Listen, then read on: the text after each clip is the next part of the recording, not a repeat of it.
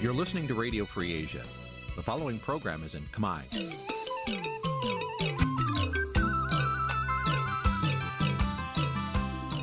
នេះជាកម្មវិធីផ្សាយ Vuthu Azizi Serai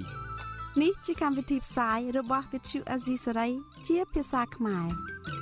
Vuthu Azizi Serai សូមស្វាគមន៍លោកអ្នកនាងទាំងអស់ពីរដ្ឋធានី Washington នៃសហរដ្ឋអាមេរិក។ ជាពីរដ្ឋធានី Washington នាងខ្ញុំម៉ៅសុធានីសូមជម្រាបសួរលោកអ្នកស្ដាប់ទាំងអស់ជាទីមេត្រី ចាយើងខ្ញុំសូមជូនការផ្សាយសម្រាប់ព្រឹកថ្ងៃសុក្រ13កើតខែអាសត់ឆ្នាំថោះបញ្ញស័កពុទ្ធសករាជ2567ហើយដល់ត្រូវនៅថ្ងៃទី27ខែតុលាគ្រិស្តសករាជ2023ជាដំបូងនេះសូមអញ្ជើញលោកអ្នកនាងកញ្ញាស្ដាប់ព័ត៌មានប្រចាំថ្ងៃដែលមានមេត្តាដូចតទៅ គណៈបកភ្លើងទៀននឹងប្រកាសពីការរួបរวมគ្នា ជាមួយគណៈបកប្រជាធិបតេយ្យផ្សេងទៀតនៅចុងខែតុលានេះសង្គមស៊ីវិលស្នើដល់អាជ្ញាធរខេត្តកំពតឲ្យស៊ើបអង្កេតមន្ត្រីខុបខិតជាមួយអ្នកមានអំណាចធ្វើប្លង់ដីរឹងជាង100ហិកតា កសិករនៅខេត្តបៃលិនបារម្ភពីគ្មានលទ្ធភាពសងបំណុលក្រោយភ្លៀងធ្លាក់ជាប់គ្នាបណ្ដាលឲ្យខូចខាតដំណាំ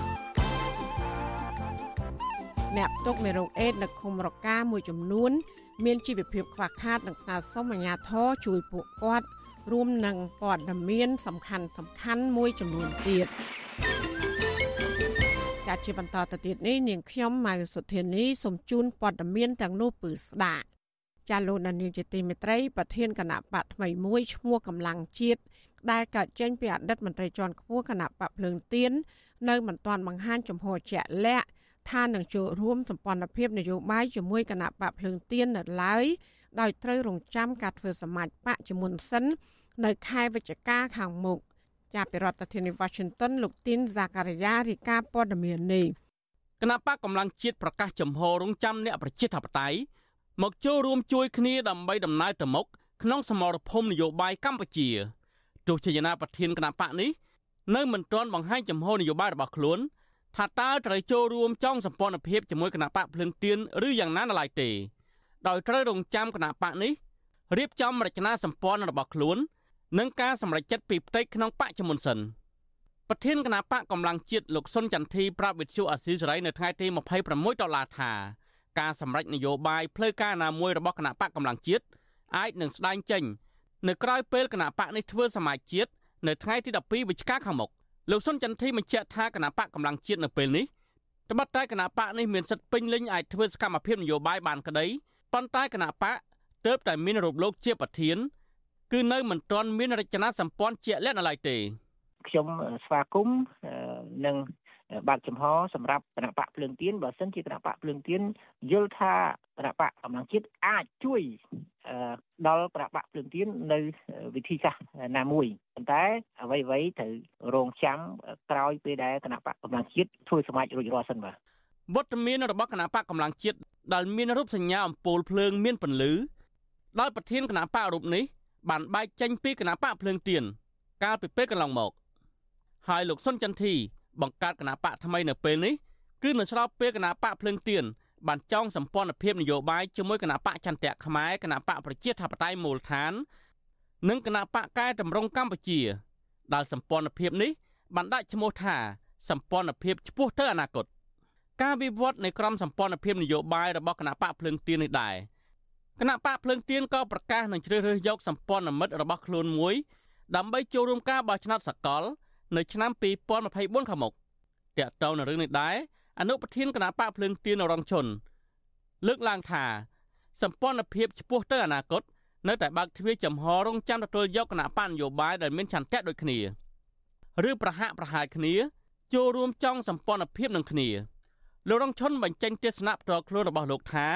បើសិនជាគណៈបកកម្លាំងជាតិចង់ចូលរួមធ្វើជាសម្ព័ន្ធមិត្តរបស់គណៈបកភ្លើងទៀន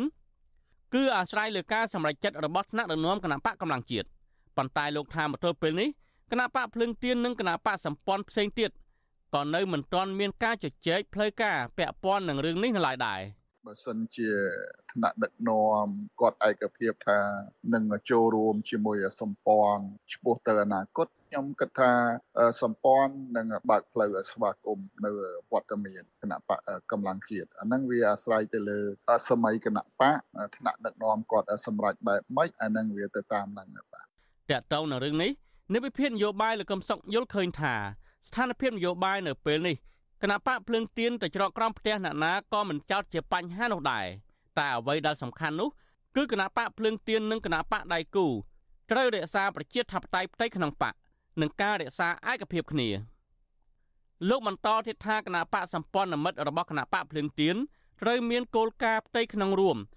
និងគោលការណ៍គិតគូរពីអនាគតជាតិខ្ពស់ជាងប្រយោជន៍បក ការចងសម្ព័ន្ធដើម្បីអនាគតហ្នឹងកុំគ្រាន់តែដើម្បីអនាគតផ្ទះគេផ្ទះយើងទ្របគេទ្របយើង គឺដើម្បីអនាគតជាតិពីព្រោះជាបទពិសោធន៍យើងឃើញហើយបើទោះបីជានាំនិយាយផ្ទះគេផ្ទះយើងទ្របគេទ្របយើងយ៉ាងណាក៏ដោយបែកបាក់គ្នាទៅអាទ្របហ្នឹងក៏វាមិនបានដែរម្ល៉េះហើយដាក់គោលដៅជាតិឲ្យបានច្បាស់ទៅទោះបីជាកម្ពុជាទើបរៀបចំការបោះឆ្នោតថ្នាក់ជាតិកាលពីថ្ងៃទី23កក្កដាដល់ការបោះឆ្នោតនេះ កោជបបានហាមមិនអោយគណៈបកភ្លឹងទៀនដែលមានអ្នកបោះឆ្នោតគាំទ្រជិត2លាននាក់មិនអោយចូលរួមការបោះឆ្នោតក្រោមហេតុផលថាគណៈបកភ្លឹងទៀនគ្មានលិខិតចុះបញ្ជីច្បាប់ដើមប៉ុន្តែនៅឆ្នាំ2024ខាងមុខនេះនឹងមានការបោះឆ្នោតអសកលចំនួន2ទៀតគឺការបោះឆ្នោតជ្រើសរើសក្រុមប្រឹក្សារាជធានីខេត្តក្រុងស្រុកខណ្ឌនិងការបោះឆ្នោតជ្រើសរើសសមាជិកព្រឹទ្ធសភាការបោះឆ្នោតទាំងពីរនេះគឺគណៈបកភ្លឹងទៀនមានអង្គបោះឆ្នោតរបស់ខ្លួនរួចស្រេចទៅហើយ។ គឺសមាជិកក្រុមប្រឹក្សាឃុំសង្កាត់ជាង2000នាក់នៅទូទាំងប្រទេសគណៈបកភ្លើងទៀនបានបញ្ជាក់ចំហរបស់ខ្លួនរួចហើយដែរថានឹងជ្រើសរើសគណៈបកសម្ព័ន្ធមិត្តរបស់ខ្លួនមួយដើម្បីបន្តដំណើររួមគ្នាក្នុងការចូលរួមបោះឆ្នោតអសកលនៅឆ្នាំ2024ខាងមុខនេះខ្ញុំបាទទីនសាការីយ៉ាអស៊ីសេរី ប្រធានាធិបតី Washington លោកណានីជាទីមេត្រីតកតងនឹងការចងសម្ព័ន្ធភាពនេះដែរគណៈបកភ្លើងទៀនបានចេញលិខិតអញ្ជើញថ្នាក់ដឹកនាំគណៈបក កាលពីថ្ងៃទី26ខែតុលាម្សិលមិញដោយបញ្ជាក់ថាគណៈបកនឹងបើកកិច្ចប្រជុំសំខាន់មួយ នៅថ្ងៃទី31ខែតុលាដើម្បីសម្រេចលទ្ធផលចុងក្រោយលិខិតអញ្ជើញរបស់លោកទាវវណ្ណុលប្រធានគណៈបកភ្លើងទៀនបានអញ្ជើញគណៈកម្មាធិការអចិន្ត្រៃយ៍បកចូលរួមប្រជុំនិងសម្រេចគាំទ្រគណៈបកណាមួយ ក្នុងសម្ព័ន្ធឈ្មោះទៅអនាគតដើម្បីរៀបចំបញ្ជីឈរឈ្មោះ សម្រាប់ការបោះឆ្នោតជ្រើសតាំងសមាជិកប្រសិទ្ធិនីតិកាលទី5និងការបោះឆ្នោតជ្រើសរើសក្រុមប្រឹក្សារាជធានីខេត្តក្រុងស្រុកខណ្ឌនីតិកាលទី4ឆ្នាំ2024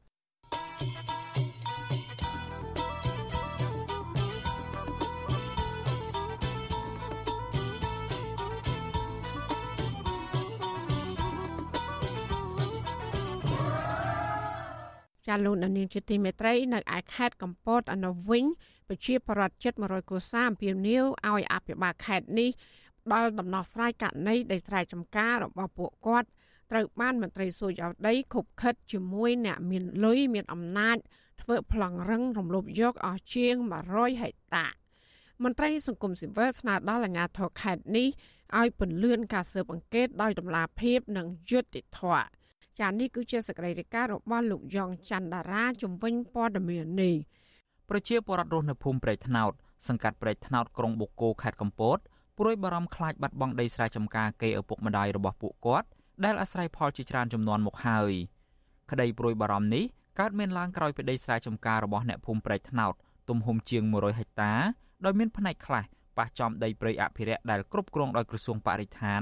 បែរជាមានប្លង់កម្មសិទ្ធិ កាន់កាប់ដោយបរិសម្នាក់ឈ្មោះយឹមសុគន្ធនិងបាក់ពួកដោយស្ងាត់ស្ងាត់ប្រជាពលរដ្ឋរស់នៅសង្កាត់ព្រែកថ្នោតលោកតឹងយិនប្រាប់វិទ្យុអាស៊ីសេរីនៅថ្ងៃទី26តុលាថាអ្នកភូមិភ្ញាក់ផ្អើលក្រោយពីដឹងថាដីស្រែចម្ការដែលពួកគាត់ធ្វើកសិកម្មចិញ្ចឹមជីវិតបែរជាមានប្លង់កម្មសិទ្ធិគ្រប់គ្រងដោយក្រុមអ្នកមានលុយមានអំណាចលោកថាប្រជាពលរដ្ឋជាច្រើនអ្នកបានលើកគ្នាតវ៉ានិងប្តឹងទៅអាជ្ញាធរមូលដ្ឋានដល់ថ្នាក់អាជ្ញាធរខេត្តជាច្រើនខែមកហើយ ក៏ប៉ុន្តែមិនទាន់មានដំណោះស្រាយនៅឡើយទេលោកឲ្យដឹងទៀតថាក្រមប្រជាពលរដ្ឋក្រុងនឹងលើកគ្នាតវ៉ាជាថ្មីម្ដងទៀតដោយស្នើឲ្យអភិបាលខេត្តកំពតលោកម៉ៅធុនិនរោគយុតិធធនៅនៅធ្វើស្រែធ្វើការបានគេសន្យាថាគេកាត់ស្វៀលឲ្យឡើងមកវិញអញ្ចឹងតែគាត់ថាមិនទាន់មានការកាត់ជ្រឿលអីណាមួយច្បាស់លាស់អញ្ចឹងគឺគាត់តែសន្យាថាជាបរដ្ឋមានមួយចំនួនទៅគាត់តែនៅតែមិនអស់ចិត្តគាត់នៅតែឡើងតវ៉ាហងហើយរហូតប្រជាពលរដ្ឋដដែលបន្ថែមថា កន្លងទៅអាជ្ញាធរសង្កាត់ព្រែកថ្នោតនិងអាជ្ញាធរក្រុងបូកូបានមុខភាពឯកសារទាំងអស់ពាក់ព័ន្ធទៅនឹងពាក្យស្នើសុំកាន់កាប់ដីរបស់ប្រជាពលរដ្ឋនៅតំបន់នោះលោកថាបរិសឈ្មោះយឹមសុគន្ធដែលមានប្លង់កាន់កាប់ដីទាំងនោះប្រជាពលរដ្ឋមិនដឹងថាធ្វើការនៅស្ថាប័នណានោះទេវិទ្យុអាស៊ីសេរីមិនអាចតាក់ទងសុំការបំភ្លឺរឿងនេះពីអភិបាលខេត្តកំពតលោកម៉ៅធនិនបាននៅឡើយទេ នៅថ្ងៃទី26ខែតុលាដោយទូរស័ព្ទហៅចូលជាច្រើនដង តែពុំមានអ្នកទទួល ចំណែកបរិសម្នាក់ឈ្មោះយឹមសុគន្ធដែលប្រជាពលរដ្ឋអះអាងថាលួចធ្វើប្លង់រំលោភយកដីស្រែរបស់អ្នកភូមិនោះក៏វិទ្យុអាស៊ីសេរីមិនទាន់អាចតាក់ទងបាននៅឡើយដែរនៅថ្ងៃដដែលនេះជុំវិញរឿងនេះមន្ត្រីពង្រឹងសិទ្ធិអំណាចសហគមន៍មូលដ្ឋាននៃសមាគមការពារសិទ្ធិមនុស្សអាត6លោកប៉ែនប៊ុនណាពន្យល់ថាការធ្វើប្លង់មិនប្រក្រតីជន់ចំដីរបស់ប្រជាពលរដ្ឋគឺជាកំហុសរបស់មន្ត្រីជំនាញសូរិយោដីនិងអ្នកពាក់ព័ន្ធដែលត្រូវតែទទួលខុសត្រូវចំពោះមុខច្បាប់ លោកសង្ស័យថាករណីនេះអាចជាប់ពាក់ព័ន្ធនឹងអំពើពុករលួយចំពោះអាញាដែលប្រើល្បិចមានន័យថាវាមានពាក់ព័ន្ធជាមួយពុករលួយក្នុងការចាញ់បានបានរឿងទុច្ចរិតហ្នឹងបើរកឃើញគាត់ត្រូវមានទុបក្រិតជាមួយនឹង មន្ត្រីខាងមន្ត្រីសូយ៉ាដីដែលនៅតាមផ្លូវច្បាប់គាត់ណាខ្លាយឯកសារជាតាធារណៈហ្នឹងវាទោសពី5ឆ្នាំទៅ10ឆ្នាំហើយចុះបើមានពុករលួយក្នុងទៀតមានន័យថាមន្ត្រីដែលចេញផ្លានហ្នឹងគឺ7ឆ្នាំទៅ15ឆ្នាំទៀតចំពោះចាបើសិនគាត់រកឃើញថាគាត់បានសោកទៅមន្ត្រីដើម្បីបានគាត់ត្រូវមានទោស5ឆ្នាំទៅ10ឆ្នាំមន្ត្រីសង្គមស៊ីវិលរូបនេះបន្ថែមថាករណីមន្ត្រីជំនាញធ្វើប្លង់កម្មសិទ្ធិមិនប្រក្រតីមិនត្រឹមតែកើតមាននៅខេត្តកំពតប៉ុណ្ណោះទេគឺកើតមានស្ទើរតែគ្រប់ខេត្តក្រុង ហើយកម្រឃើញរដ្ឋាភិបាល និងតុលាការមានចំណាត់ការច្បាប់ដាក់ទោសទណ្ឌទៅលើមន្ត្រីខលខូចនិងអ្នកពាក់ព័ន្ធខ្ញុំយ៉ងច័ន្ទដារាវិទ្យុអាស៊ីសេរី Washington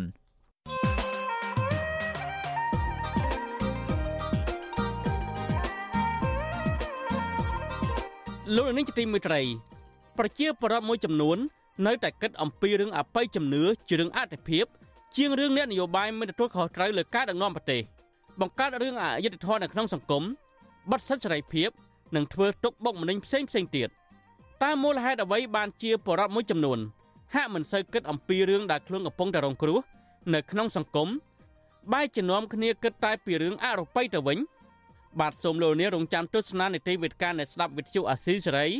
នៅយប់ថ្ងៃសុក្រនេះដែលនឹងជជែកអំពីបញ្ហានេះក៏មិនខាន បាទបើសិនជាលោកនាងមានសំណួរចង់សួរ comment របស់យើងឬចង់បញ្ចេញជាមតិយោបល់សូមលោកនាងដាក់លេខទូរស័ព្ទនៅក្នុងខ្ទង់ comment Facebook និង YouTube របស់វិទ្យុអាស៊ីសេរីដែលកំពុងតែផ្សាយផ្ទាល់នៅពេលនេះក្រុមការងាររបស់យើងនឹងហៅទៅលោកនាងវិញបាទសូមអរគុណ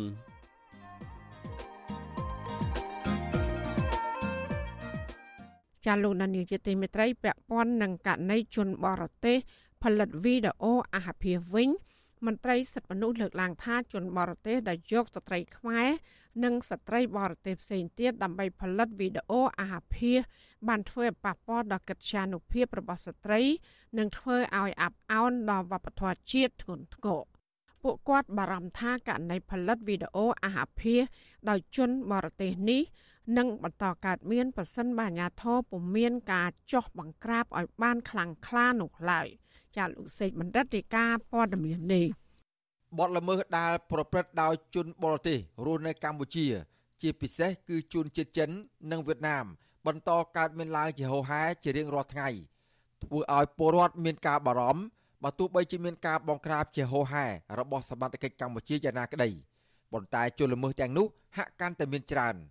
ពួកគេមួយចំនួនហ៊ានប្រព្រឹត្តបទល្មើសគ្រប់បែបយ៉ាង ជាពិសេស ពាក់ព័ន្ធនឹងករណីជួញដូរផ្លូវភេទ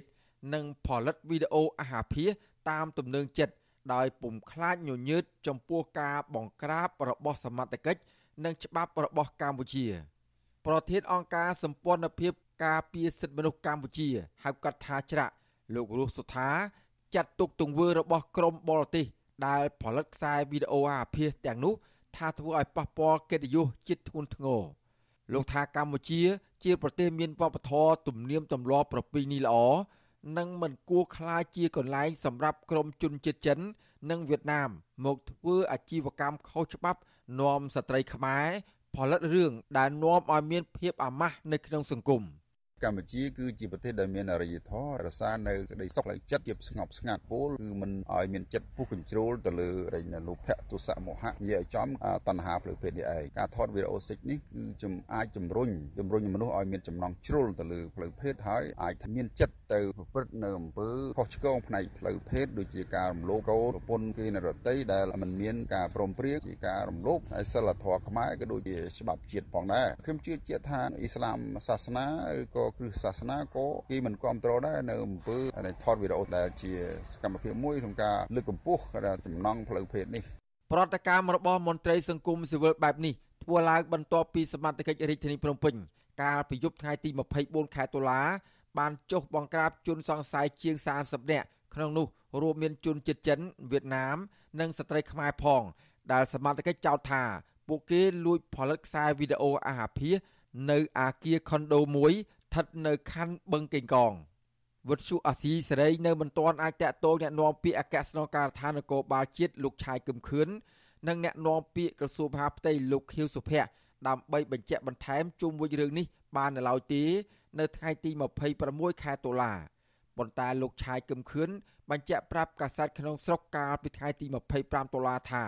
សមត្ថកិច្ចកំពុងសាសួរជនសង្ស័យប្រសិនបើរកឃើញថាពួកគេមានជាប់ពាក់ព័ន្ធនឹងការប្រព្រឹត្តបទល្មើសសមត្ថកិច្ចនឹងបញ្ជូនពួកគេទៅតុលាការខ្សែវីដេអូអាហារភាននោះមានជនជាតិចិនស្ត្រីជនជាតិចិន និងខ្មែរគឺពួកគេប្រើប្រាស់ភាសាជាតិរៀងខ្លួន ដើម្បីសម្ដែង និងធ្វើសកម្មភាពស្រាបស្រាលក្រោយការបែកធ្លាយវីដេអូអាហារភាននោះយុវជនមួយចំនួន ដែលនិយមប្រើបណ្ដាញសង្គមចូលបញ្ចេញមតិរិះគន់និងអ្នកខ្លះទៀតបញ្ចេញមតិបែបបញ្ចែកបញ្ចើនិងចែករំលែកយ៉ាងផលផុសអំពីព័ត៌មាននេះមន្ត្រីសង្គមស៊ីវិលសង្កេតឃើញថាសិលធម៌សង្គមខ្មែរកំពុងធ្លាក់ចុះជាបន្តបន្ទាប់ខណៈយុវជនខ្មែរជាច្រើន បានទទួលរងឥទ្ធិពលពីខ្សែវីដេអូអាហារភាសដែលផ្សព្វផ្សាយលើបណ្ដាញសង្គមខណៈសមត្ថកិច្ចមិនទាន់ចាត់វិធានការទប់ស្កាត់ឲ្យមានប្រសិទ្ធភាពឡើយមន្ត្រីសិទ្ធិមនុស្សអំពាវនាវឲ្យយុវជនខ្មែរគ្រប់ស្រទាប់ថាគួរចំណាយពេលវេលាគ្រប់គ្រាន់ក្នុងការសិក្សា និងពុំគួរបន្តចែករំលែកវីដេអូអាហារភាសលើបណ្ដាញសង្គមនោះទេព្រោះវាគ្មានចំណេញអ្វីក្រៅពីនាំភាពអាម៉ាស់ដល់សង្គមជាតិនោះឡើយ តកតោនឹងរឿងនេះដែរកាលពីខែសីហាកន្លងទៅក៏មានស្ត្រីខ្មែរម្នាក់បានបង្ហោះវីដេអូតាមបណ្ដាញសង្គមដោយអះអាងថាសន្តាគារមួយកន្លែងឈ្មោះហ្វឹងសើស្ថិតនៅខេត្តប្រសេអនុមានក្រុមជនជាតិចិនប្រើប្រាស់គ្រឿងញៀននិងលបួងនារីខ្មែរឲ្យថតអាក្រាតកាយដើម្បីផលិតខ្សែវីដេអូអាហារភាសធ្វើអាជីវកម្មច្បាប់ស្តីពីការបង្ក្រាបអំពើជួញដូរមនុស្ស និងអំពើធ្វើអាជីវកម្មផ្លូវភេទមេត្រា15ចែងថាជនណាជួញដូរអ្នកដទៃក្នុងគោលដៅស្វែងរកប្រយោជន៍បំពេញផ្លូវភេទនិងផលិតរូបភាពអាហារភាសជាដើមអាចត្រូវផ្ដន់ទាទោសរយៈពេល20ឆ្នាំ។ប្រធានអង្គការសម្ព័ន្ធភាពការពារសិទ្ធិមនុស្សកម្ពុជា លោករស់សុថា ស្នើដល់អាជ្ញាធរឲ្យចាត់វិធានការឲ្យបានម៉ឺងម៉ាត់ដើម្បីទប់ស្កាត់ជនបរទេសដែលជួញដូរមនុស្សជាពិសេសស្ត្រីខ្មែរ ក្នុងទម្រង់ផ្សេងផ្សេងយកទៅផលិតរូបភាពអាហារភាដែលធ្វើឲ្យប៉ះពាល់កិត្តិយសជាតិនិងនាំឲ្យសិលធម៌សង្គមធ្លាក់ចុះខ្ញុំបាទសេកបណ្ឌិតវិទ្យុអាស៊ីសេរីពីរដ្ឋធានីវ៉ាស៊ីនតោនលោកនានីជាទីមេត្រីដំណើរធាននឹងស្ដាប់ការផ្សាយរបស់វិទ្យុអសីសេរីតាមបណ្ដាញសង្គម Facebook YouTube និង Telegram លោកនាងក៏អាចស្ដាប់ការផ្សាយរបស់យើងតាមរលក ធាតុអាកាសខ្លីឬ Shortwave តាមកម្រិតនិងកម្ពស់ដូចតទៅចាប់ពីព្រឹកចាប់ពីម៉ោង5កន្លះដល់ម៉ោង6កន្លះតាមរយៈប៉ុស SW 12.14 MHz ស្មើនឹងកម្ពស់ 25m និងប៉ុស SW 13.71 MHz ស្មើនឹងកម្ពស់ 22m ចាសម្រាប់ពេលយប់វិញគឺចាប់ពីម៉ោង7កន្លះដល់ម៉ោង8កន្លះគឺតាមរយៈប៉ុស SW 9.33 MHz ស្មើនឹងកម្ពស់ 32m ប៉ុស SW 11.88 MHz ស្មើនឹងកម្ពស់ 25m និងប៉ុស SW 12.15 MHz ស្មើនឹងកម្ពស់ 25m ចាសសូមអរគុណ ចាលោកដានៀងជាទីមេត្រីសមាគមប្រជាប្រដ្ឋនៅតំបន់ព្រៃទឹកភ្លៀងបង្ហាញរបាយការណ៍អំពីផលប៉ះពាល់បរិស្ថានជំរកសត្វព្រៃនិងប្រជាប្រដ្ឋនៅតាមសហគមន៍ពីការធ្វើអាជីវកម្មរ៉ែមាសរបស់ក្រុមហ៊ុនចិនក្នុងដែនអភិរក្សសត្វព្រៃនៅតំបន់ព្រៃឡង់នៅភ្នំជីក្នុងឃុំសុចិត្តខេត្តកំពង់ធំសកម្មជនបរិស្ថាននិងមន្ត្រីសង្គមស៊ីវិលអះអាង ថារបាយការណ៍នេះគឺជាការឆ្លុះបញ្ចាំងការពិត ពីផលប៉ះពាល់នៃការប្រើប្រាស់សារធាតុគីមី ក្នុងដំណើរអាជីវកម្មរ៉ែមាសរបាយការណ៍អាជីវកម្មរ៉ែមាសក្នុងតំបន់អភិរក្សសត្វព្រៃនៅព្រៃឡង់បង្ហាញថាក្រុមហ៊ុនចិនដែលធ្វើអាជីវកម្មរ៉ែមាសនៅតំបន់ព្រៃឡង់ស្ថិតនៅតំបន់ភ្នំជីក្នុងឃុំសុចិត្តខេត្តកំពង់ធំ ធ្វើឲ្យប៉ះពាល់ធ្ងន់ធ្ងរដល់ប្រព័ន្ធអេកូឡូស៊ីនិងជីវៈចម្រុះក្នុងដែនចម្រុកសត្វព្រៃនៅព្រៃឡង់ លទ្ធផលរបាយការណ៍ស្រាវជ្រាវដោយក្រុមស៊ើបអង្កេតរ៉ែមាសព្រៃឡង់ដែលគ្រប់គ្រងដោយសមាគមប្រជាប្រដ្ឋនៅតំបន់ព្រៃទឹកភ្លៀងដែលមានមូលដ្ឋាននៅទីក្រុងបាសែលប្រទេសស្វីស បានចេញរបាយការណ៍កាលពីថ្ងៃទី24ខែតុលាបង្ហាញថា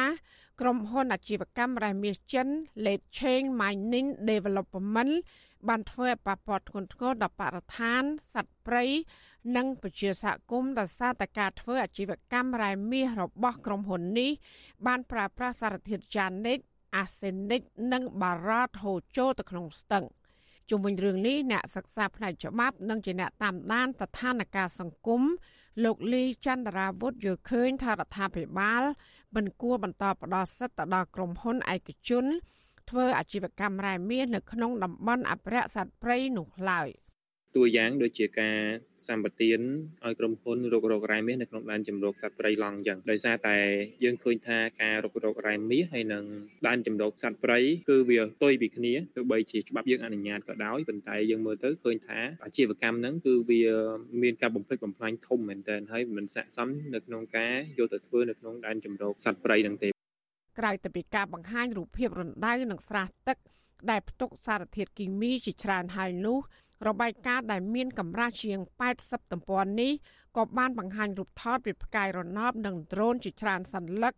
អំពីការវិវត្តយ៉ាងឆាប់រហ័សរបស់ក្រុមហ៊ុនអាជីវកម្មរ៉ែមាសចិន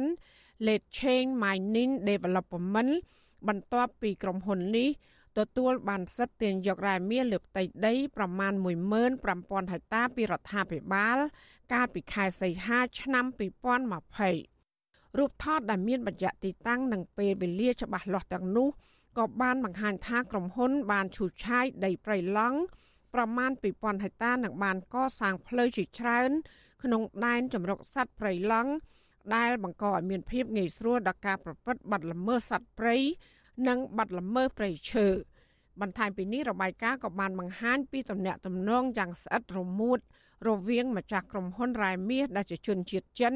ជាមួយនឹងសមាជិកជាន់ខ្ពស់នៃគណៈបកប្រជាជនកម្ពុជា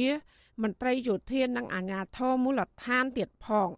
វិទ្យុអសីស្រីមិនអាចតតងแนะនាំពាក្យគណៈបកប្រជាជនកម្ពុជា លោកសុកអេសាននិងរដ្ឋមន្ត្រីក្រសួងរ៉ែនិងធម្មពលលោកកែវរតនៈដើម្បីបកស្រាយជុំវិញរឿងនេះបាននៅឡើយទេ នៅថ្ងៃទី26ខែតុលា ជុំវិញរឿងនេះដែរមន្ត្រីកម្មវិធីស្រាវជ្រាវនិងតស៊ូមតិនៃសមាគមបណ្ដាញយុវជនកម្ពុជាលោកហេងកំហុងអះអាងថាលទ្ធផលរបាយការណ៍ស្រាវជ្រាវរបស់សមាគមប្រជាប្រដ្ឋនៅតំបន់ព្រៃទឹកភ្លៀងឆ្លោះបញ្ចាំងអំពីការពិត អំពីផលប៉ះពាល់ពីការធ្វើអាជីវកម្មរ៉ែមាសដែលកំពុងកើតមានក្នុងដែនអភិរក្សសត្វព្រៃនៅព្រៃឡង់ សំណុំពរធំជាងគេរដ្ឋាភិបាលត្រូវពិនិត្យឡើងវិញអំពីលទ្ធភាពនៅក្នុងការប្រើប្រាស់ផលប្រយោជន៍សាធារណៈនឹងឲ្យធានាបានថាវាជាផលប្រយោជន៍រួមហើយផលប្រយោជន៍ដែលទទួលបានទាំងថ្លៃសុយសារទាំងថ្លៃពន្ធឬក៏ចំណែកនៃប្រាក់ចំណេញនោះគឺត្រូវតែធានានៅផលប្រយោជន៍សាធារណៈជាធំអ្នកស្រាវជ្រាវនឹងឃ្លាំមើលធនធានធម្មជាតិនៅកម្ពុជា លោកសេងសុកហេងអះអាងថាការប្រើប្រាស់សារធាតុយ៉ានិកអាសេនិកនិងបារ៉ត ក្នុងអាជីវកម្មរ៉ែមាសរបស់ក្រុមហ៊ុនចិន Late Chain Mining Development មិនត្រឹមតែធ្វើប៉ះពាល់ដល់ការប្រើប្រាស់ទឹករបស់ប្រជាសហគមន៍រស់នៅក្បែរក្រុមហ៊ុនតែប៉ុណ្ណោះទេក៏ប៉ុន្តែកាកសំណល់សារធាតុពុលទាំងនេះក៏បានហូរចូលតាមប្រភពទឹកដៃស្ទឹងជីនិតនិងបន្តហូរចូលបឹងទន្លេសាប ដែលអាចបណ្ដាលប៉ះពាល់ប្រព័ន្ធជីវៈចម្រុះកាន់តែធ្ងន់ធ្ងរផងដែរ។ ជាប់នេះហើយដែលយើងគិតថារដ្ឋាភិបាលគួរតែយកចាត់ទុកដាក់ហើយសិនជារកឃើញថាក្រុមហ៊ុននោះគាត់រំលោភបំពានគាត់ធ្វើការឈីខ្ជាដោយបានគិតអំពីគោលការណ៍ច្បាប់ជាពិសេសអាការស្តុកនៅកាកតំណល់ជាតិពុលសារធាតុគីមីនោះឲ្យបានត្រឹមត្រូវទេរដ្ឋាភិបាលនោះគួរតែចាត់ធានការផ្លូវច្បាប់ដូចជាការព្រមានការដាក់ពិន័យឬក៏អាចបញ្ឈប់សកម្មភាពក្រុមហ៊ុននេះបើករណីហ្នឹងវាធ្ងន់ធ្ងរ មន្ត្រីអង្គការសង្គមស៊ីវិលលើកឡើងថារដ្ឋាភិបាល ជាពិសេសអាជ្ញាធរពាក់ព័ន្ធគួរទទួលយកអនុសាសន៍របស់របាយការណ៍នេះដើម្បីដោះស្រាយបញ្ហាបរិស្ថានដែលកំពុងកើតមាន ជាជាងបន្តបដិសេធរបាយការណ៍ស្រាវជ្រាវដែលមានលក្ខណៈវិទ្យាសាស្ត្រដោយគ្មានមូលហេតុត្រឹមត្រូវ។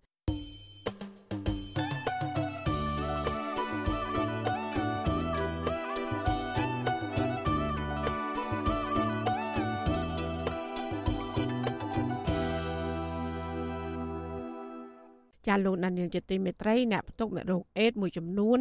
នៅឃុំរកាស្រុកសង្កែខេត្តបាត់ដំបង មានជីវភាពខ្វះខាតនិងស្នើដល់អាជ្ញាធរពាក់ព័ន្ធឲ្យផ្ដល់ស្បៀងអាហារជូនដល់ពួកគាត់ពួកគាត់ត្អូញត្អែថាប្រមាណឆ្នាំចុងក្រោយនេះពុំសូវមានអាជ្ញាធរចុះសួរសុខទុក្ខនិងផ្ដល់ស្បៀងអាហារដល់ពួកគាត់នោះឡើយមន្ត្រីសង្គមស៊ីវិលលើកឡើងថារដ្ឋាភិបាល គួរតែរកវិធីដោះស្រាយរយៈពេលវែងដើម្បីឲ្យពួកគាត់មានការងារធ្វើរកប្រាក់ចំណូលដោះស្រាយជីវភាពគ្រួសារជាសេចក្តីរាយការណ៍ពីស្ដាមពីរឿងនេះលោកណានៀងនឹងបានស្ដាប់នាពេលបន្តិចទៀតនេះ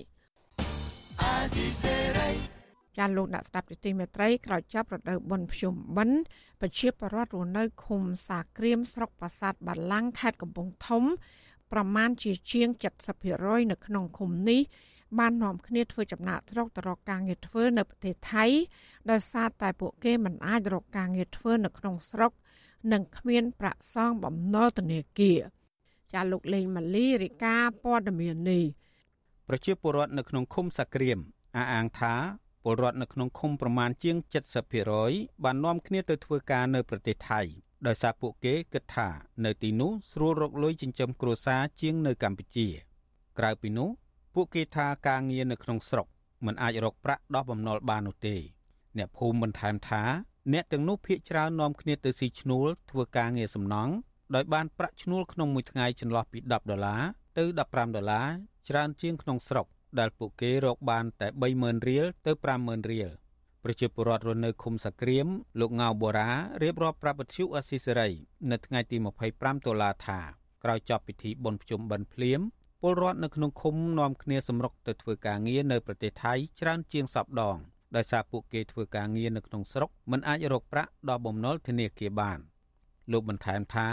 នៅក្នុងភូមិមានភាពស្ងប់ស្ងាត់និងមានតែមនុស្សចាស់ជរានៅមើលថែចៅតែប៉ុណ្ណោះរីឯគ្រួសារខ្លះទៀតបានបង្ខំឲ្យកូនឈប់រៀនទៅធ្វើការងារដែរ។ ពួកគាត់ហ្នឹងគាត់ចំណាក់ស្រុកទី1គាត់ទៅថៃគាត់ទៅថៃច្រើនហើយទី2គាត់ទៅពេញទៅអីចឹងណាគាត់ទៅថៃទីច្រើនគឺទៅថៃគាត់ធ្វើពេញកម្លាំងគឺចង់និយាយថា70%អីចឹង80%គឺគាត់ចំណាក់ស្រុកគាត់មិនសូវនៅធ្វើស្រែធ្វើការទេប្រជាពលរដ្ឋម្នាក់ទៀតនៅឃុំសក្រៀមគឺកញ្ញាលីរក្សាគាត់សម្គាល់ថាពលរដ្ឋនៅក្នុងឃុំរបស់កញ្ញា ធ្វើចំណាក់ស្រុកទៅធ្វើការនៅប្រទេសថៃ មានការកើនឡើងក្នុងអំឡុង2ឆ្នាំចុងក្រោយនេះកញ្ញាបន្ថែមថាពលរដ្ឋទាំងអស់នោះភ ieck ច្រើននាំគ្នាទៅធ្វើការជាកម្មករសំណង់រីឯអ្នកខ្លះទៀតបង្ខំចិត្តទៅធ្វើការងារនៅទីនោះដោយសារតែមុខរបរកសិកម្មរបស់ពួកគេ ដូចជាដំឡូងស្វាយចន្ទីនិងស្វាយមានការខាតបង់និងមិនអាចរកប្រាក់ផ្គត់ផ្គង់គ្រួសារបាន។ គាត់ធ្វើស្រែចម្ការទៅវាអត់សូវទៅបានផលអញ្ចឹងធ្វើទៅលងទៅចម្ការក៏ទឹកលិចអីទៅគាត់ខាតគាត់ធ្វើទៅលងសារគាត់យកលុយធនាគារមកធ្វើអញ្ចឹងទៅដល់ពេលទៅលងខូចទៅគាត់កប់អាលុយអញ្ចឹងឯងទៅគាត់អត់មានអីបង់ទៅចម្ការគាត់រត់ទៅប្រទេសថៃអញ្ចឹងទៅគាត់សួរគាត់ទៅចាគាត់អញ្ចឹងគាត់មកយកចៅកូនគាត់ធ្វើការចំណាក់ស្រុកដើម្បីយកលុយមកបង់ធនាគារអញ្ចឹងជុំវិញរឿងនេះមេឃុំសក្រៀមលោកច័ន្ទសុផលទទួលស្គាល់ថា មានប្រជាពលរដ្ឋក្នុងឃុំធ្វើចំណាកស្រុកទៅធ្វើការនៅប្រទេសថៃពិតមែនប៉ុន្តែលោកថាមានប្រមាណតែ30%ទៅ40%ប៉ុណ្ណោះដែលបាននាំគ្នាធ្វើចំណាកស្រុកទៅរកការងារធ្វើនៅប្រទេសថៃនិងមួយចំនួនទៀតទៅធ្វើការនៅទីក្រុងភ្នំពេញដោយសារពលរដ្ឋទាំងអស់នោះភ័យច្រើនជំពាក់បំណុលធនាគារលោកមានការព្រួយបារម្ភចំពោះពលរដ្ឋដែលបានទៅធ្វើការឆ្លងដែននៅប្រទេសថៃមិនមានឯកសារត្រឹមត្រូវប៉ុន្តែលោកថាក្នុងពេលកន្លងទៅ អញ្ញាធរឃុំនិងអង្គការសង្ត្រាល់បានផ្សព្វផ្សាយអប់រំអំពីផ្លូវច្បាប់និងការធ្វើចំណាក់ស្រុកដោយស្របច្បាប់និងត្រឹមត្រូវជាបន្តបន្ទាប់មកហើយដែរនៅចេះចាននិយាយរួមទៅតំបន់ខ្ញុំនេះចានយកលុយធនាគារ គាត់យកលុយពីធនាគារទៅដល់គាត់ដោះអាការប្រាក់មិនទាន់ទៅគាត់ត្រូវការធ្វើចំណាក់ស្រុកបើជីវភាពគាត់ទៅមើលគ្នារបរតរបរតំបន់ខ្ញុំបកកសកម្មអស់ហើយនឹងស្រែចម្ការនៅក្នុងស្វ័យចន្ទទីប៉ុណ្ណេះទេដល់ផុតពីចំណាំសម្រាប់ជីវភាពគាត់គាត់ចិត្តគាត់ត្រូវធ្វើការចំណាក់ស្រុកនិយាយរួមទៅជាពាក្យធនាគារច្រើនរបាយការណ៍របស់សាលាឃុំសាក្រៀមបង្ហាញថា ឃុំនេះមានពលរដ្ឋជាង2000គ្រួសារស្មើនឹងជាង10000នាក់ដែលជាអ្នករស់នៅពឹងផ្អែកទៅលើមុខរបរកសិកម្មអាជ្ញាធរឃុំក៏បានកំណត់ភូមិចំនួន3ដែលជាភូមិមានបញ្ហាសេដ្ឋកិច្ចធ្ងន់ធ្ងរនិងលំបាកខ្លាំងក្នុងការរកប្រាក់សងទៅម្ចាស់បំណុលមានដូចជាភូមិព្រិចភូមិស្រែវាលនិងភូមិកន្ទាកតែទៅនឹងបញ្ហានេះមន្ត្រីជាន់ខ្ពស់នៃមជ្ឈមណ្ឌលសម្ព័ន្ធភាពការងារនិងសិទ្ធិមនុស្ស ហៅកាត់ថាសង្ត្រាល់លោកឌីថេហូយ៉ាយល់ឃើញថាពលករចំណាក់ស្រុកទទួលបានផលប្រយោជន៍តិចតួចគឺអាចរកប្រាក់បានចិញ្ចឹមជីវិតនិងអាចសងបំណុលគេបានប៉ុន្តែក៏មានផលប៉ះពាល់ច្រើនដែរជាពិសេសពលរដ្ឋធ្វើចំណាក់ស្រុកដោយខុសច្បាប់លោកថាការធ្វើចំណាក់ស្រុកដោយខុសច្បាប់គឺប្រឈមនឹងការជួញដូរនិងការកេងប្រវ័ញ្ចកម្លាំងពលកម្មព្រមទាំងប្រឈមនឹងសមត្ថកិច្ចថៃចាប់ខ្លួនថែមទៀតផងហើយបើកាលណាទៅមិនស្របច្បាប់ បញ្ហាប្រឈមរបស់គាត់គឺប្រឈមពីការជួញដូរមនុស្សការជួញដូរកម្លាំងពលកម្មការរងគ្រោះថ្នាក់អីផ្សេងផ្សេងជាដើមដោយមិនមានការការពារសិទ្ធិរបស់ពួកគាត់នៅពេលដែលអត់មានការការពារទាំងអស់ហ្នឹងអត់មានទទួលបានការគោរពសិទ្ធិគឺគាត់ត្រូវធ្វើការងារមួយគេហៅថាទេសភាពនៃសម័យទំនើបបើទោះបីយុទ្ធសាស្ត្របញ្ចកោណរបស់រដ្ឋាភិបាលអាណត្តិទី7នេះបានកំណត់យកការពង្រឹងសេដ្ឋកិច្ចនិងបង្កើតការងារឲ្យពលរដ្ឋរកប្រាក់ចំណូលជារឿងសំខាន់ក៏ដោយ ក៏រយៈពេលជាង2ខែ បន្ទាប់ពីបង្កើតបានរដ្ឋាភិបាលថ្មីមកពលរដ្ឋនៅគ្រប់ទីកន្លែងតែងតែលើកឡើងអំពីបញ្ហាលំបាកបាត់បង់ការងារធ្វើ បាត់បង់ប្រាក់ចំណូលព្រមទាំងរងសម្ពាធយ៉ាងធ្ងន់ធ្ងរពីធនាគារនិងគ្រឹះស្ថានមីក្រូហិរញ្ញវត្ថុប្រជាពលរដ្ឋនៅក្នុងឃុំសាក្រៀមបានត្អូញត្អែថា ពួកគេមានបញ្ហាខ្វះថវិកាទិញម្ហូបអាហារទិញថ្នាំព្យាបាលជំងឺ ជាពិសេស ខ្វះលុយបង់ធនាគារនិងភ័យខ្លាចមានការរឹបអូសទ្រព្យសម្បត្តិដោយសារគ្មានលទ្ធភាពសងបំណុលខ្ញុំបាទលេងម៉ាលីវិទ្យុអាស៊ីសេរីវ៉ាស៊ីនតោនចាលោកនាយកជាទីមេត្រីក្រុមអ្នករតស៊ីនិងរមាក់ម៉ូតូបារម្ភពីការបាត់បង់ចំណូលដោយសារពលានយន្តហោះថ្មីនៅក្នុងខេត្តសៀមរាបមិនអនុញ្ញាតឲ្យពួកគាត់ដឹកនាំដំណើរលើកលែងតែសមាគមអ្នករត់តាក់ស៊ីមួយក្រុម ដែលបានទទួលសិទ្ធិផ្ដាច់មុខក្នុងការដឹកជញ្ជូនភ្ញៀវទេសចរជាសេចក្តីរាយការណ៍ពីស្ដាមពីរឿងនេះលោកណានៀងនឹងបានស្ដាប់នាពេលបន្តិចទៀតនេះ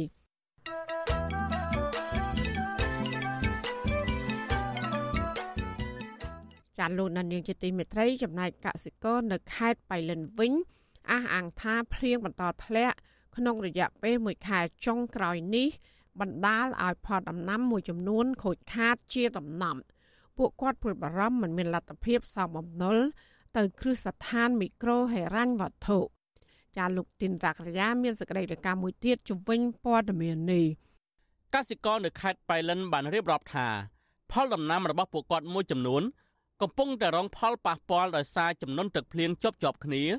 ខណៈអាជ្ញាធរនៅមិនទាន់ជួយដោះស្រាយផលប៉ះពាល់ ពីចំនួនទឹកភ្លៀងនេះបាននៅឡើយកសិករដាំបន្លែនៅស្រុកសាឡាក្រៅលោកមុំសម្បត្តិលើកឡើងថាភ្លៀងធ្លាក់ជាប់ជាប់គ្នាក្នុងរយៈពេលជាង1ខែមកនេះបានធ្វើឲ្យដំណាំរបស់លោក និងដំណាំបរិបផ្សេងទៀតខូចខាតស្ទើរទាំងស្រុងលោកមុំសម្បត្តិថាដំណាំរបស់លោក មានដូចជាត្រសក់ម្ទេសនិងបន្លែផ្សេងផ្សេងទៀតត្រូវបានទឹកជន់លិចកម្ពស់ប្រហែលជា1ម៉ែត្រដែលធ្វើឲ្យលោកខាត់បង់ប្រហែលជា1000ដុល្លារ លោកមុំសម្បត្តិឲ្យដឹងទៀតថាសម្រាប់លោកជាកសិករដែលរងផលប៉ះពាល់នៃការខូចខាតនេះគឺមានទំហំធំធេងនឹងធ្វើឲ្យលោកចម្ពាក់បំណុលធនាគារថែមទៀតផងពីព្រោះថាលោកបានខ្ចីលុយពីធនាគារមកធ្វើដើមទុនដាំដំណាំតាំងពីដំបូងមកលោកបានថែមថាក្នុងរយៈពេលប្រមាណឆ្នាំចុងក្រោយនេះនៅពេលដែលទឹកលិចផលដំណាំរបស់លោក និងបរិបផ្សេងទៀតអាជ្ញាធរខេត្តពុំដែលជួយអ្វីដល់លោកនោះទេទើបធ្វើឲ្យលោកអស់ជំនឿចិត្ត លើរដ្ឋាភិបាលចឹងបើបានមកនោះក៏ជ្រាក់បានចំណេញទេមិនដឹងថាស្រង់រួចអត់អាអាអាដែលខាតនឹងរួចផងឬក៏អត់សូម្បីចំណេញគ្មានហ្នឹងអត់វាត្រង់ចំណេញអត់មានវាខាតអាសម្រាប់ខ្ញុំផ្ទាល់ណាពលរដ្ឋទូទៅខ្ញុំទៅពិបាកសន្និដ្ឋានឲ្យណាព្រោះគាត់វាជំនាញទៅតែខ្ញុំដែរចឹងណា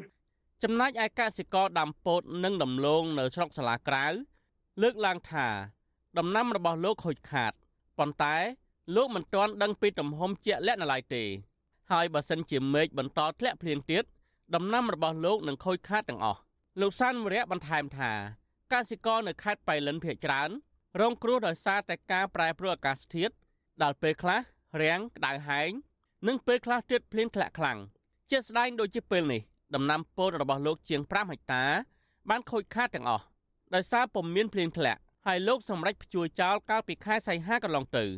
លោកសានវរៈរៀបរាប់ទៀតថា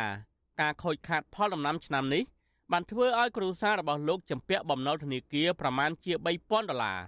ហើយលោកបារម្ភថាលោកមិនអាចសងធនាគារវិញបានបើសិនជាដំណាំរបស់លោកខូចខាតជាងនេះប៉ះពាល់បងប៉ះពាល់ជីវភាពដែរពីព្រោះអឺដោយសារតែ ឆ្នាំនេះទឹកភ្លៀងពេលដែលដើមឆ្នាំហ្នឹងវាភ្លៀងអត់សូវទេអត់សូវភ្លៀងទេតែដល់ពេលភ្លៀងអាចចុងឆ្នាំនេះពេលដែលយើងដាំបានផលហើយវាវាស្រាប់តែភ្លៀងមកខ្លាំងអញ្ចឹងទៅវាធ្វើឲ្យតំណាំយើងខូចខាតដែរណាបងហើយអ្នកខ្លះអញ្ចឹងទៅគេដាំពីសាអីដល់ដូចជាខ្ញុំកាលពីដំបូងខ្ញុំដាំពីសាដែរទម្រាំតែវាបានផលវិញណាបងកសិករនៅខេត្តបៃលិនមួយរូបទៀតបានលើកពីទុកលំបាករបស់លោកដែរថាមេឃភ្លៀងធ្លាក់ខ្លាំង ជាងនៅពេលបន់ភ្ជុំនិងបន្តរហូតមកទល់ពេលនេះបានធ្វើឲ្យដំណាំពោត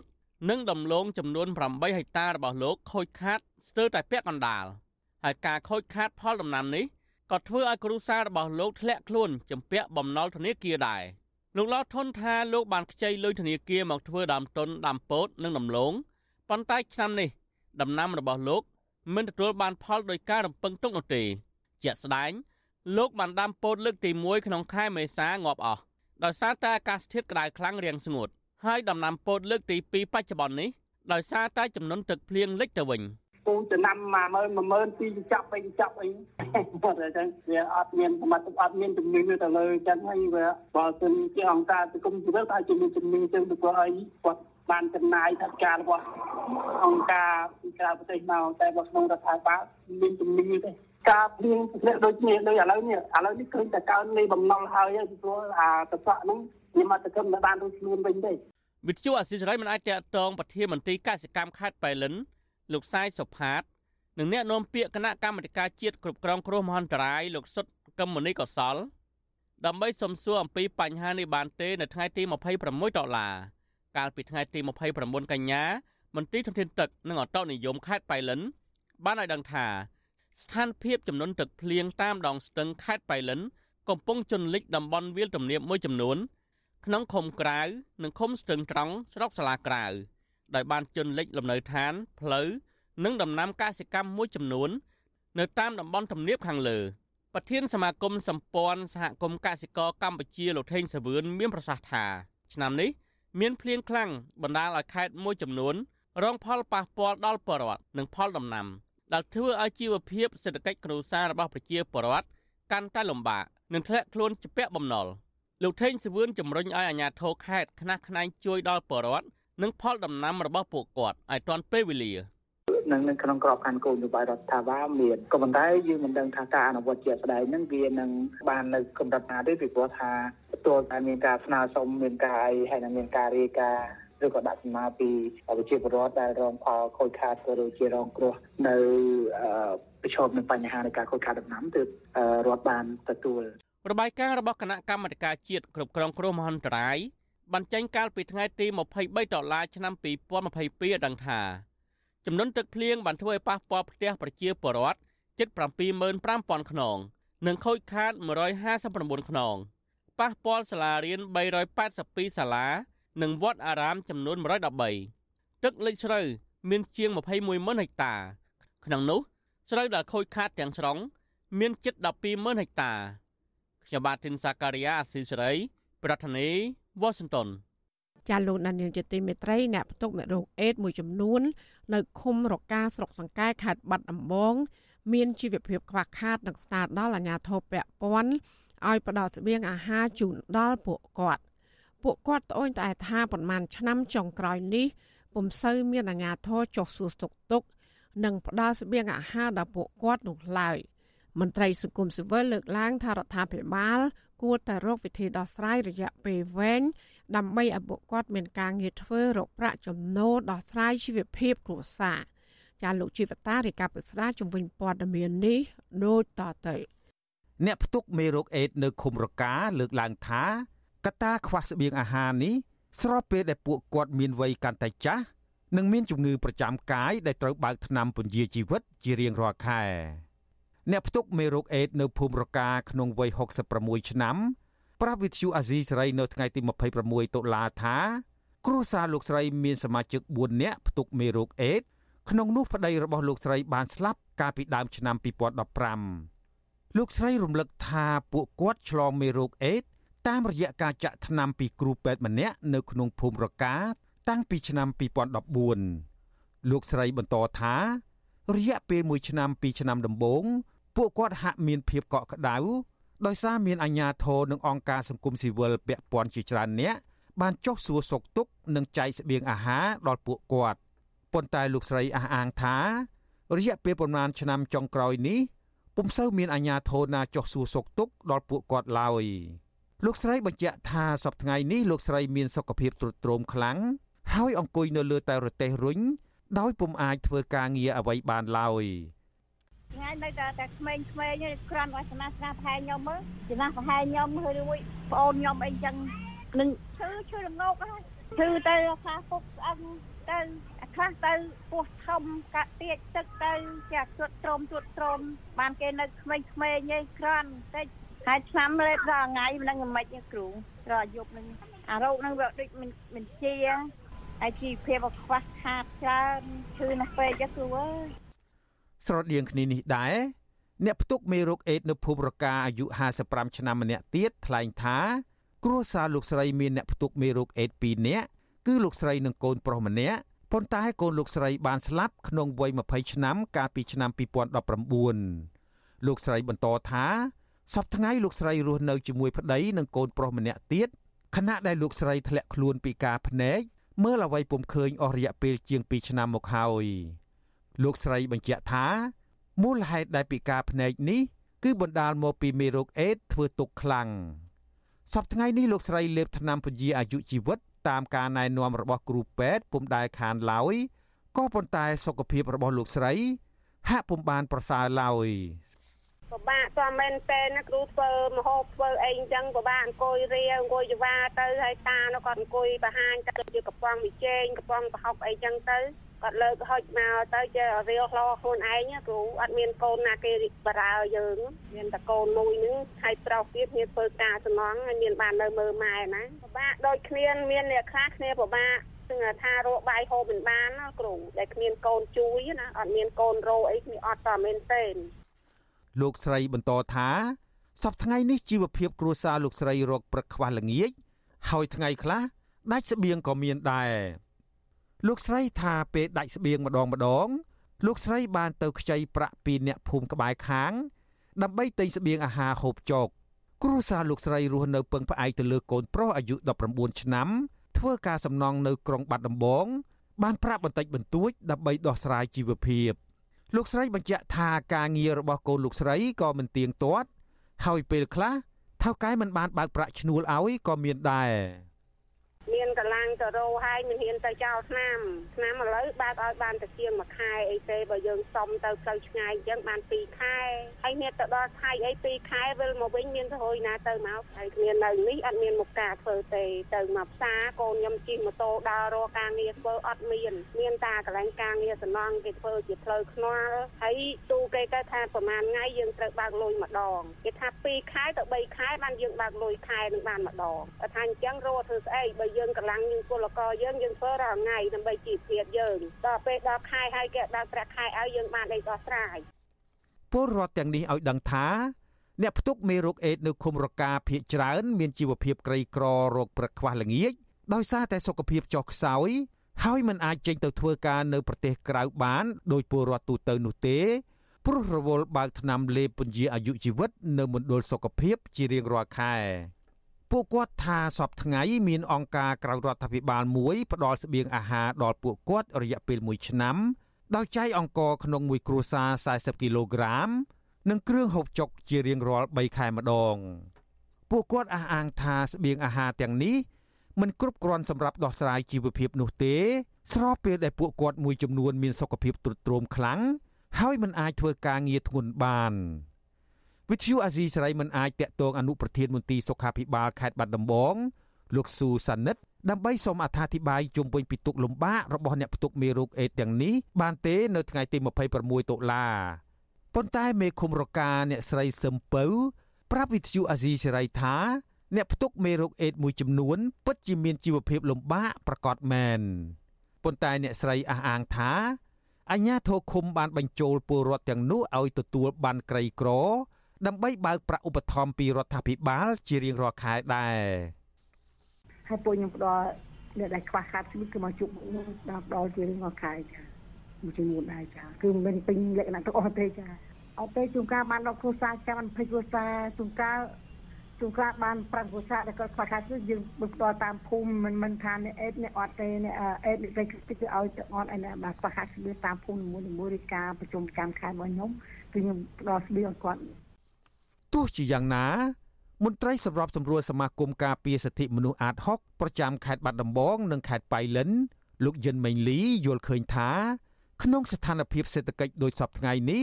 ប្រាក់ឧបត្ថម្ភរបស់រដ្ឋាភិបាលជូនដល់ពួកគាត់ទាំងនោះមិនគ្រប់គ្រាន់សម្រាប់ដោះស្រាយជីវភាពនោះទេ លោកបញ្ជាក់ថាពលរដ្ឋទាំងនោះឆ្លងមេរោគអេដដោយសារការធ្វេសប្រហែសរបស់គ្រូពេទ្យម្នាក់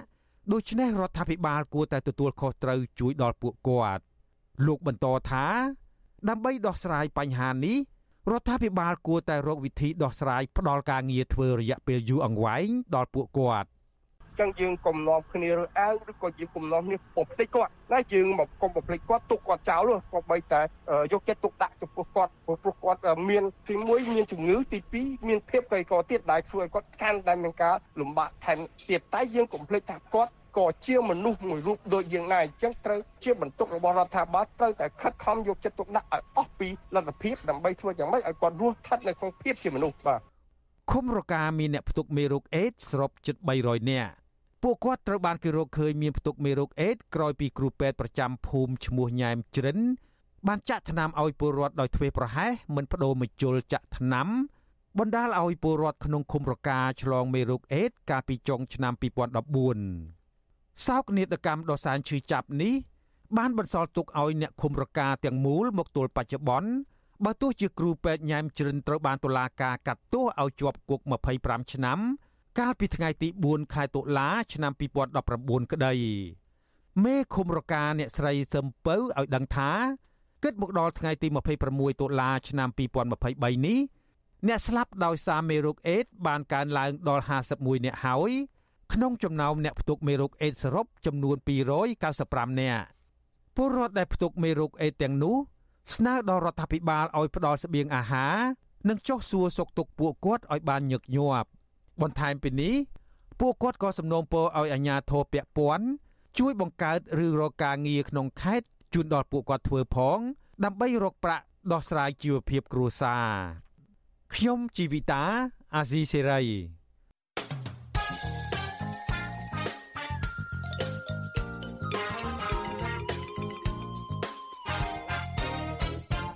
លោកអ្នកត្រាប់ជទីមេត្រីនៅឯខេត្តសៀមរាបឯនោះវិញ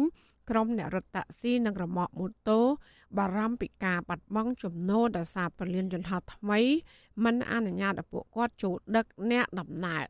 ពួកគាត់ត្អូញត្អែថាចាប់តាំងពីការបើកដំណើរការពលានយន្តហោះថ្មីនេះមក គឺមានតែសមាគមអ្នករត់តាក់ស៊ីមួយក្រុម ដែលអាចទទួលបានសិទ្ធិផ្ដាច់មុខក្នុងការដឹកជញ្ជូនភ្ញៀវទេសចរនិងអ្នកដំណើរចេញពីពលានយន្តហោះ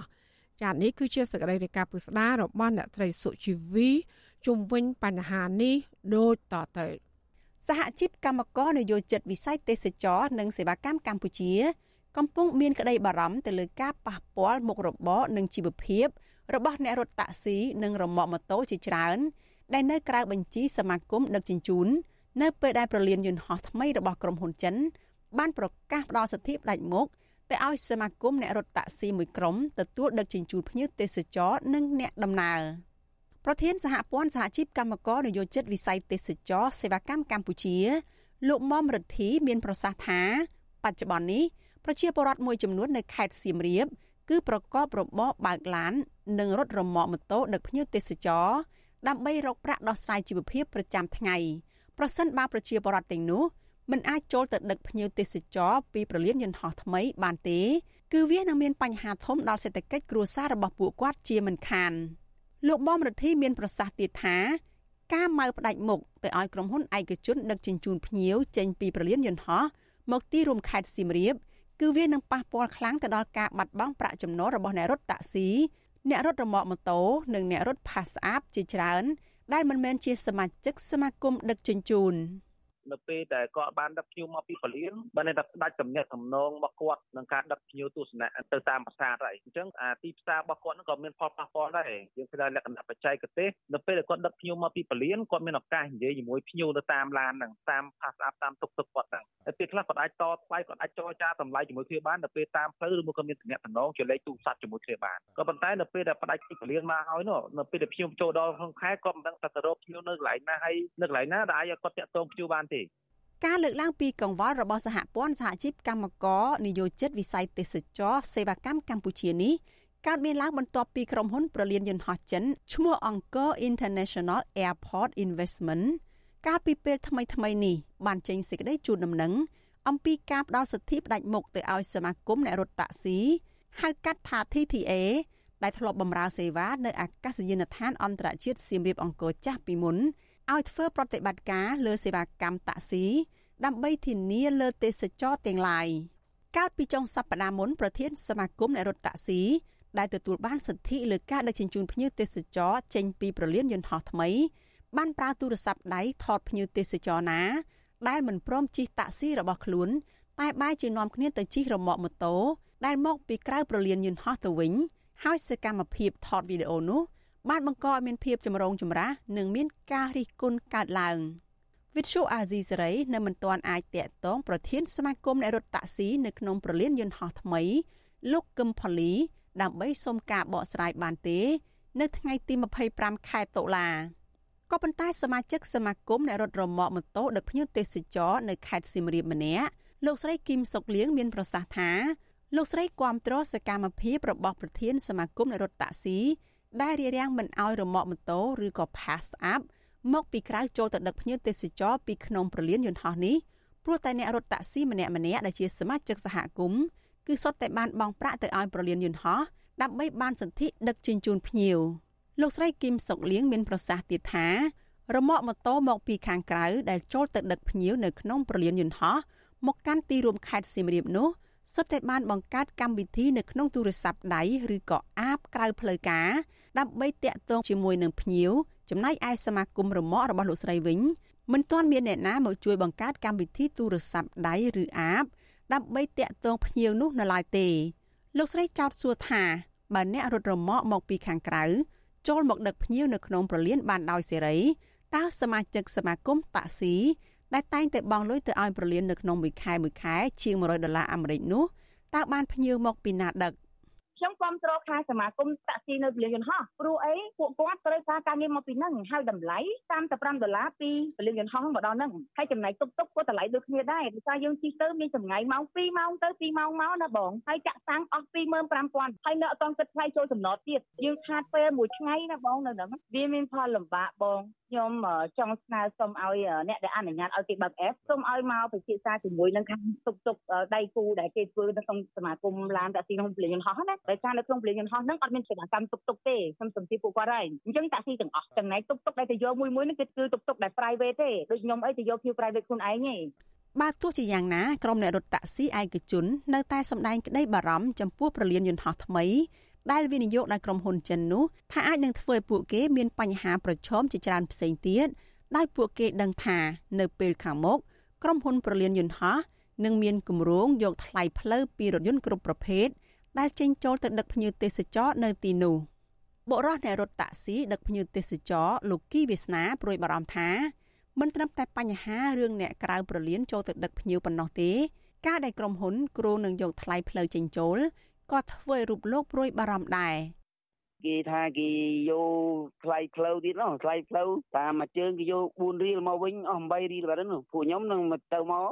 ថា11រៀលចុះទាំងថ្លៃតាក់ទាំងថ្លៃយើងចុចចូលកាតយកចូលទៅចាំភ្ញៀវនៅក្នុងពលានណាវាផ្លែកពីអាពលានយើងឆ្ងាយណាបាទឥឡូវគេអត់ទឿនយកទេពើមានអត់ច្បាស់ដែរបងគេថាមួយដាច់ខែនេះនេះខ្លះគេនិយាយថាដាច់ឆ្នាំ2023នេះមកគេយកពើមានពេញលេងគេអត់ទឿនប្រហើបមកបងយើងឮតែពីតកងឡានគ្នាយើងយើងវាតែមានអារម្មណ៍ថាយើងពេលយើងនៅនេះអស់តែ5ពឿននោះយើងអាចទៅយកភ្ញៀវបានដល់ហើយនោះវាអស់ដល់10រៀលពេលខ្លះអត់មានប្រាក់ដល់ហើយទៅវាក្នុងចិត្តយើងយើងគិតថាវាចំណាយច្រើនពេកវាមានការលំបាកនឹងអាពេលដែលយើងអត់ទាន់បើកប្រាក់ខែយើងមានលុយណាចូលពលានឧទាហរណ៍មួយខែចូលតែ10ដងវាអស់100បាត់ហើយ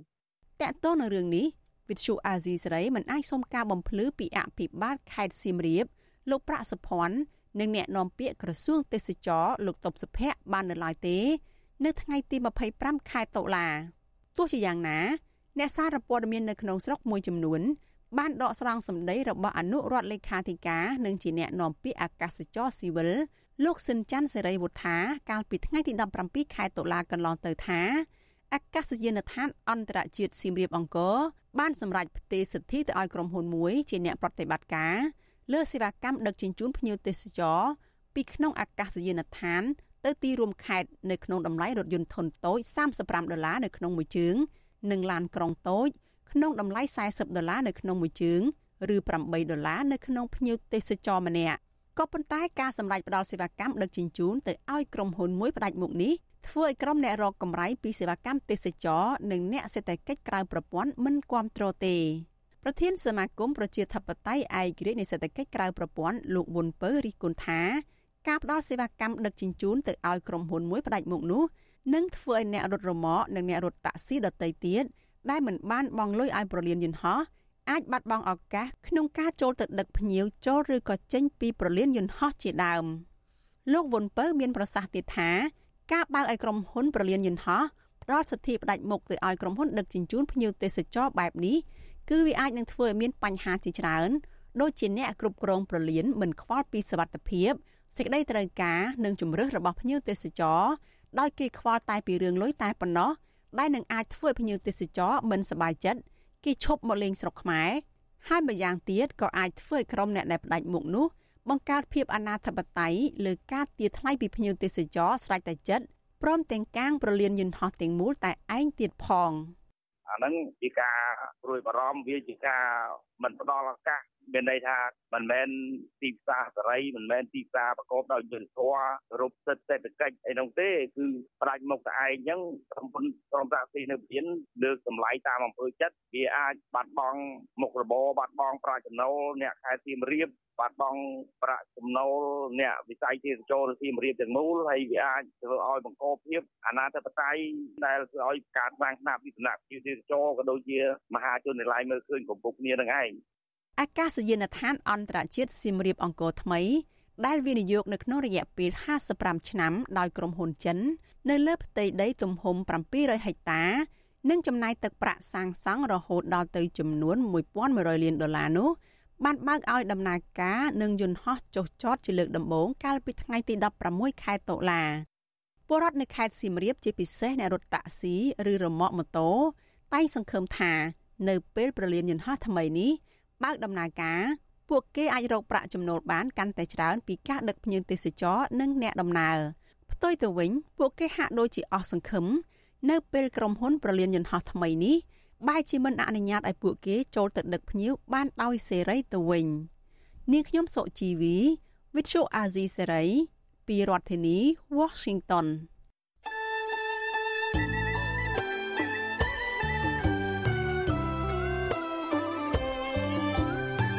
ចាលោកនាងកញ្ញាអ្នកស្ដាប់យុតិមេត្រីកັບផ្សាយរយៈពេល1ម៉ោងនៃវិទ្យុអាស៊ីស្រីជាភាសាខ្មែរនៅពេលនេះចាប់តែប៉ុណ្ណេះ